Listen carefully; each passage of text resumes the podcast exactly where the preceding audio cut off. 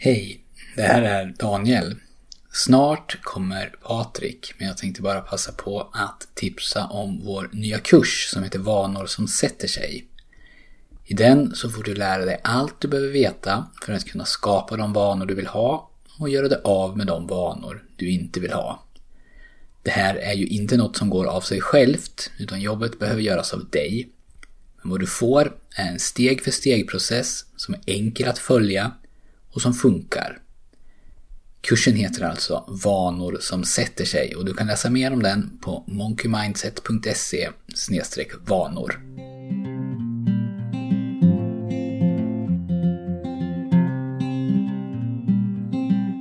Välkommen till Monkey Mindset. Jag heter Patrik Edblad och jag är beteendevetare och mental tränare.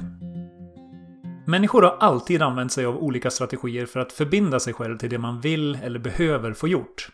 Ett av de mest klassiska exemplen på det här är historien om Odysseus.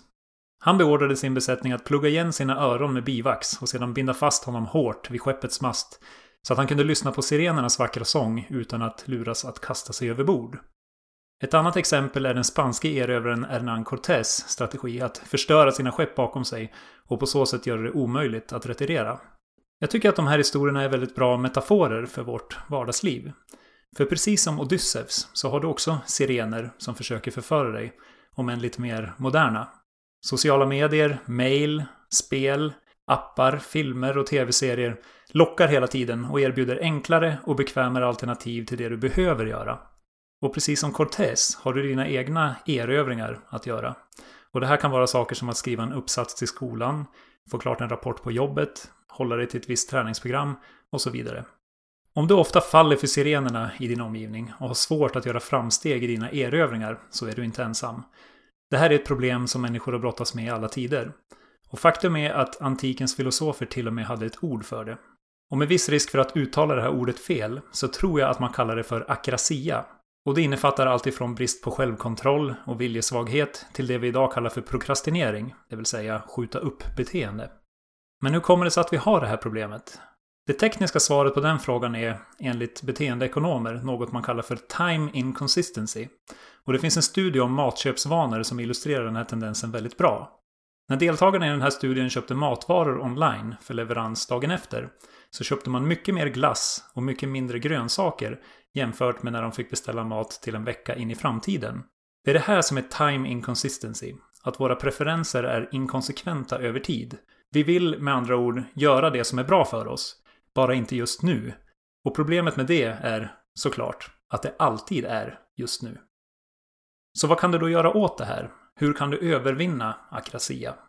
Jo, du gör precis som Odysseus och Hernán Cortés. Om du vet att sirener kommer att förföra dig så binder du dig vid masten. Och om du har en erövring du behöver göra så sänker du dina skepp bakom dig. Nu för tiden så kallar beteendeekonomer den här typen av strategier för commitment devices, som har definierats som olika sätt att låsa dig till ett beteende du annars kanske inte skulle välja, men som ger ett önskat resultat.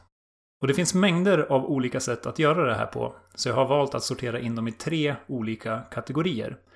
Fysiska, digitala och sociala commitment devices. Om vi börjar med de fysiska så kan några exempel vara att köpa årskort på gymmet för att förbinda dig att träna hela året. Att klippa sönder dina kreditkort för att inte slösa pengar. Att lämna din laptop på jobbet så att du kan vara helt närvarande med din familj när du kommer hem. Att säga upp en streamingtjänst för att undvika att sugas in i en tv-serie. Eller att köpa sötsaker i små förpackningar så att du inte äter onödigt mycket av det. Sen finns det också massvis av digitala commitment devices. Program, appar och tillägg som är till stor hjälp för att undvika akrasia online. Några exempel är Newsfeed Eradicator for Facebook, som är ett tillägg till webbläsaren Google Chrome som tar bort ditt nyhetsflöde på Facebook. Freedom, som är ett program du kan använda för att låsa dig själv ute från internet. Self-Control är ett annat program som gör det möjligt att blocka åtkomsten till vissa hemsidor och din mail under en förbestämd tid. Stay Focused är ett annat tillägg för Chrome som du kan använda för att begränsa tiden du spenderar på olika hemsidor. Och appen Forest har ett väldigt smart sätt att hjälpa dig att låta bli telefonen när du borde jobba. Den låter dig plantera ett digitalt träd varje gång du behöver fokusera.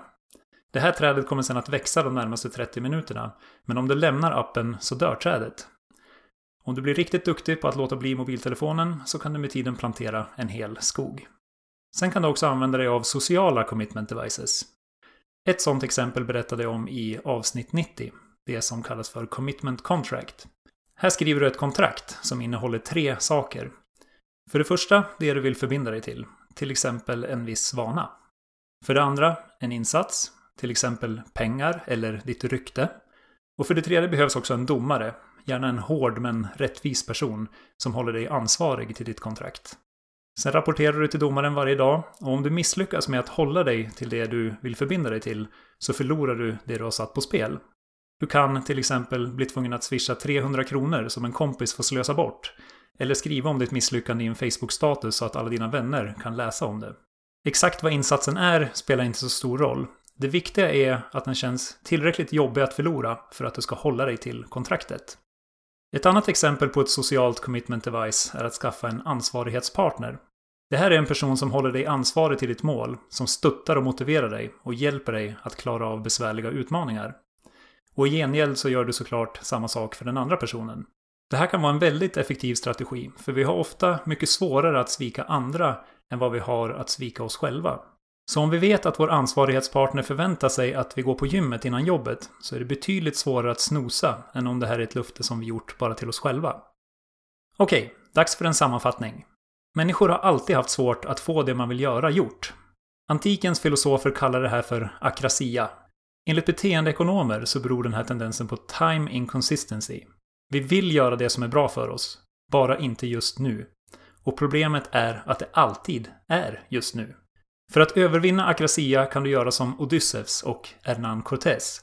Och det kan du göra genom fysiska, digitala och sociala commitment devices.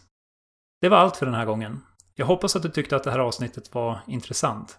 Om du vill pröva på det här med commitment devices så har jag förberett en pdf med fler exempel och länkar till alla de här digitala alternativen som jag nämnt i det här avsnittet. Du kan ladda ner pdfen helt gratis genom att bli medlem på monkeymindset.se. Då får du dessutom vårt populära 30-dagarsprogram i mental träning. Inte så dumt. Lycka till med dina commitment devices så hörs vi snart igen.